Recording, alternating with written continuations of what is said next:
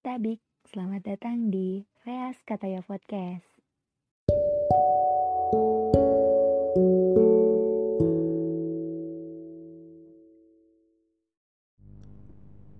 Terima kasih ya telah mendengar dan menyempatkan waktunya.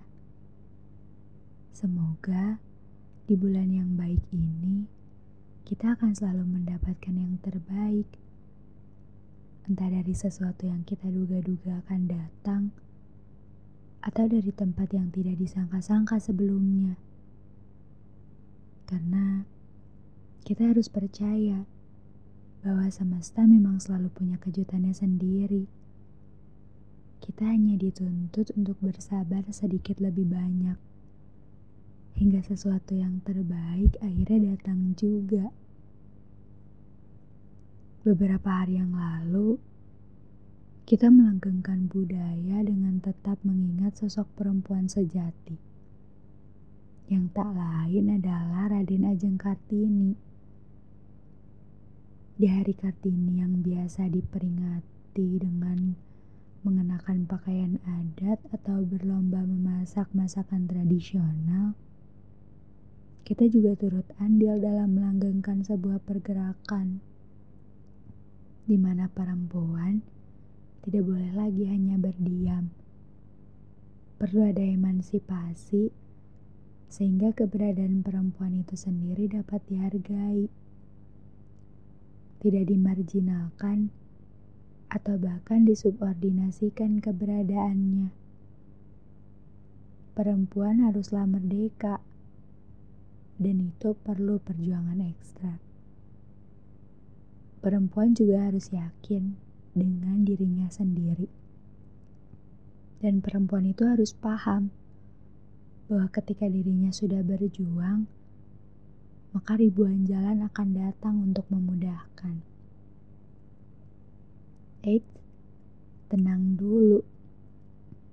Hari Kartini ada bukan hanya untuk perempuan kok. Menurutku, lebih dari itu adalah sebagai ajang refleksi diri juga bagi para lelaki. Agar bisa sedikitnya belajar dari sejarah yang telah menomor sekiankan perempuan.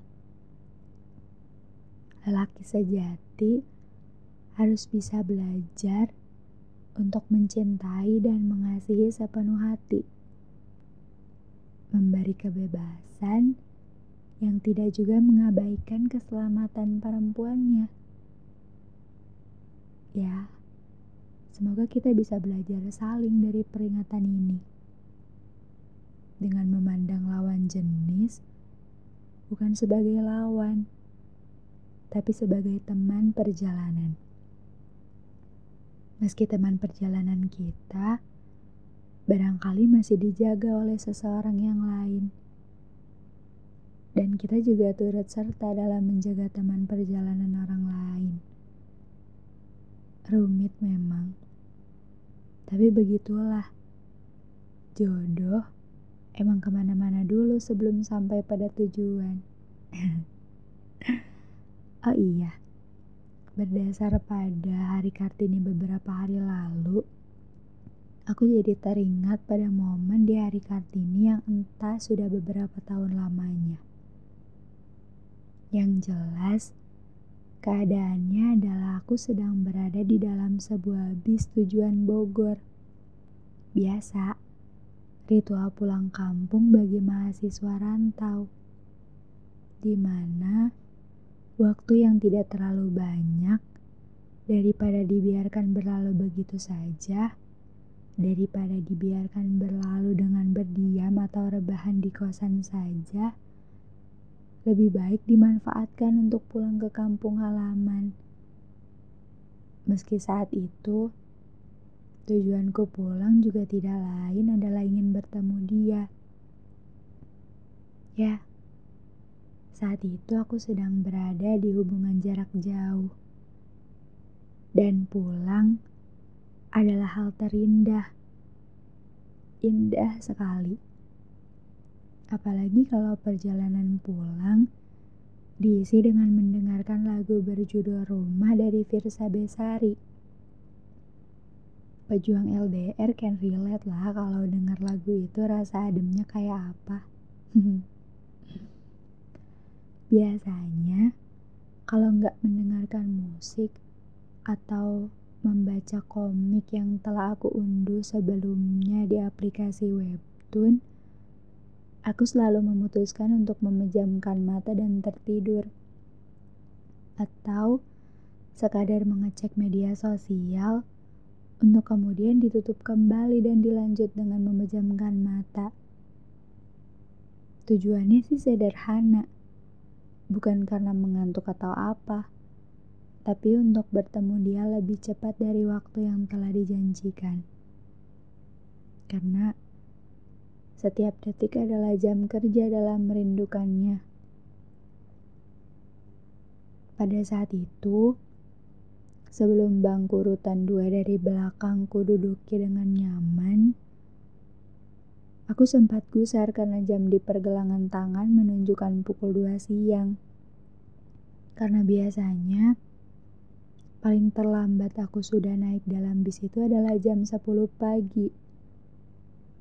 Sehingga mau tidak mau pikiranku sudah dipenuhi oleh prasangka buruk pada kemacetan yang akan terjadi dan tak kapan akan berakhir. Yang tentu saja akan memakan waktu lama dan sudah pasti itu akan sangat membosankan.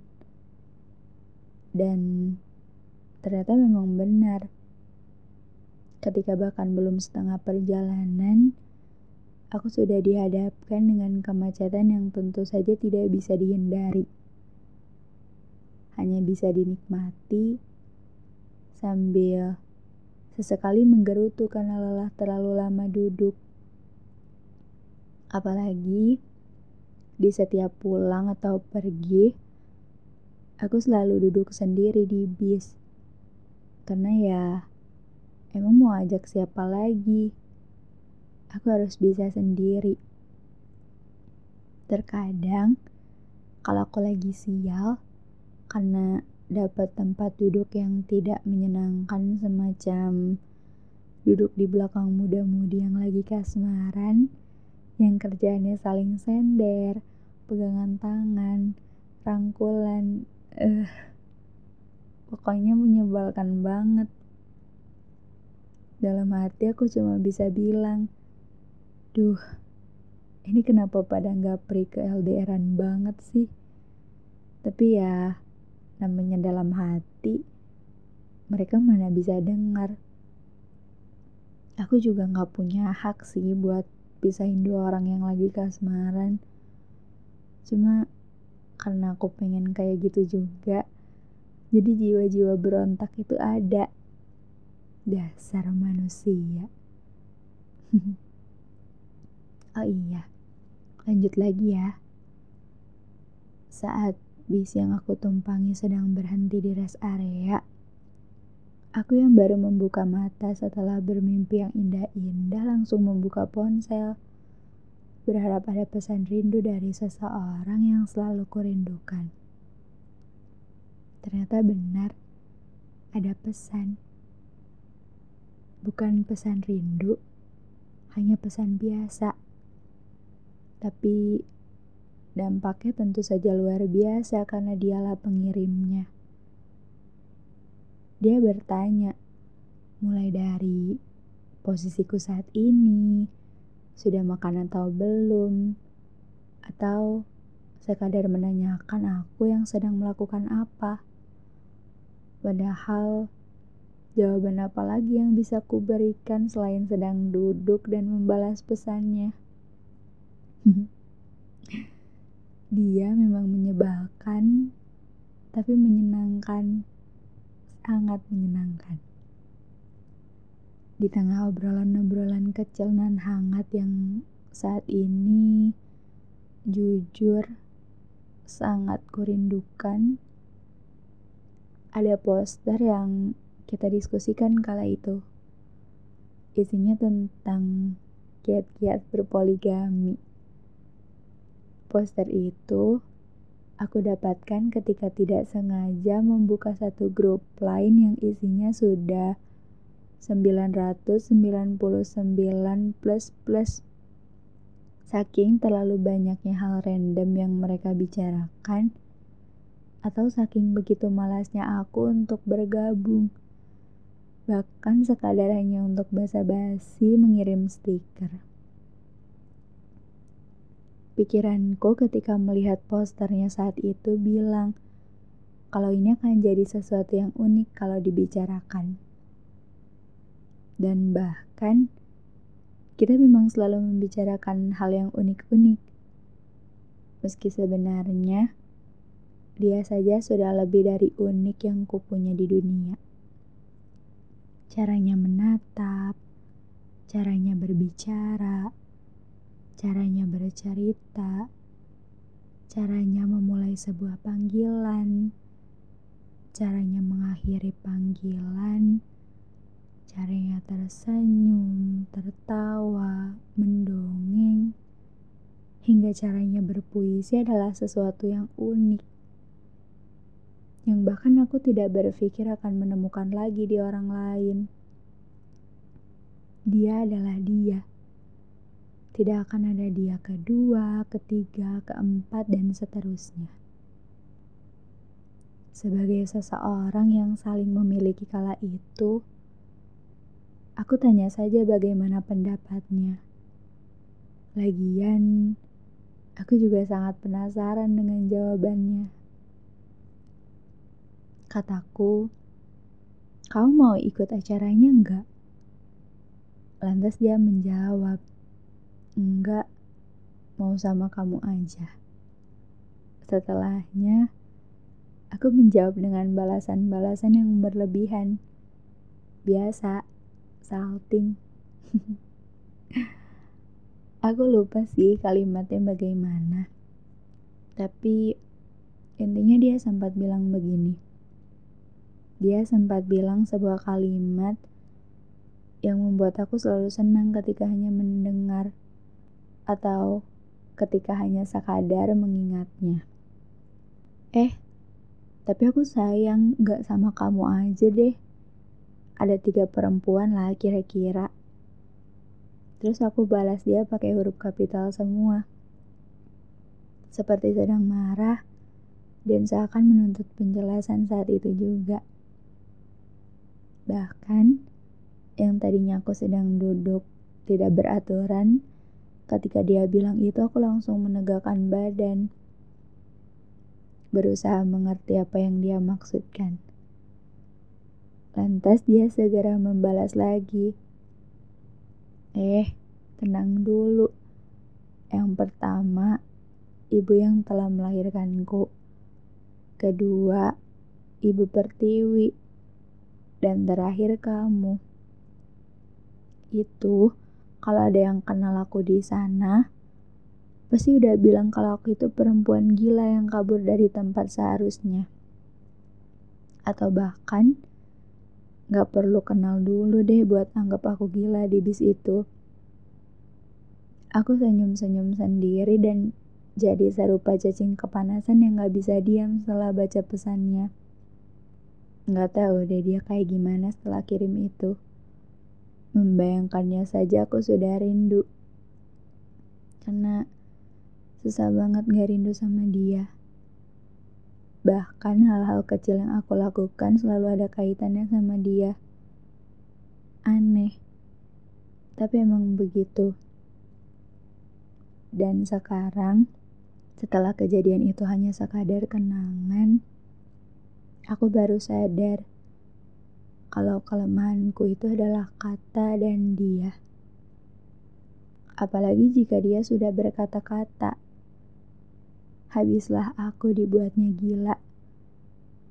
Aku candu, dan dia selalu mampu menyanggupi itu. Dia adalah penyair yang selalu kukagumi setiap hasil karyanya. Dia adalah pendongeng andal yang tidak pernah habis dongengannya. Bahkan, jika boleh ditagi sekarang, dia itu sedang berutang dongeng yang akhir dari ceritanya belum dia beritahukan padaku. Selain itu, dia adalah seseorang yang membuat ruang percakapan kita penuh tawa. Meski sekarang lain cerita. Aku selalu menjadi manusia pertama yang menyesali itu. Menyesali kenapa saat ruang percakapan masih sehangat itu aku tidak rawat baik-baik. Akhirnya aku harus kehilangan semuanya. Hingga sekarang, dia adalah nama yang selalu kusebut tanpa suara. Karena jikapun suara itu harus keluar dari mulut, sudah tidak ada lagi telinga yang siap menerima. Untuk sekali saja dalam hidup, bertepatan pula dengan hari Kartini beberapa hari lalu, dan ingatan di hari Kartini entah beberapa tahun yang lalu. Aku sangat ingin berterima kasih kepada perempuan pertama yang ia akui, yang telah memperjuangkan dia dari mulai di kandungan Aku ingin berterima kasih kepada perempuan itu. Karena berkatnya, dia ada. Dia bertemu denganku. Kita saling menyebutkan nama, saling menyayangi, meski saat ini saling pergi untuk kembali di waktu baik yang tak ada atau hanya ilusiku saja. Karena ketika ku tanya perihal ini, dia hanya bilang tidak bisa memberiku harapan lagi. Hingga akhirnya aku tak tahu bahwa aku sudah diizinkan mengharapkannya lagi atau tidak. Bahwa aku sudah diizinkan menunggunya kembali lagi atau tidak. Aku tidak tahu dan sangat penasaran akan jawaban yang tak harus ku cari di mana jawabannya. Aku sangat ingin berterima kasih pada perempuan pertamanya. Perempuan pertama yang selalu dia sugui cinta di setiap harinya. Jika boleh iri, aku bahkan sudah iri entah keberapa kali dengannya karena dia juga pasti sudah tahu bahwa aku ingin dicintai sebanyak itu olehnya. Aku ingin berterima kasih kepada perempuan pertamanya. Berterima kasih dengan status apa saja. Entah diakui sebagai kekasihnya atau sebatas teman yang saling memendam, aku hanya ingin berterima kasih dan kuharap saat itu tiba, dia sudah kembali lagi. Kita sudah bersama lagi seperti seharusnya. Kita sudah mendapat restu perempuan pertama, lantas disaksikan dengan haru biru oleh perempuan kedua, untuk kemudian dia selalu berbahagia denganku perempuan ketiga yang akan dia kasihi layaknya pertama. Entahlah. Semoga dia selalu bahagia. Kurasa itu cukup.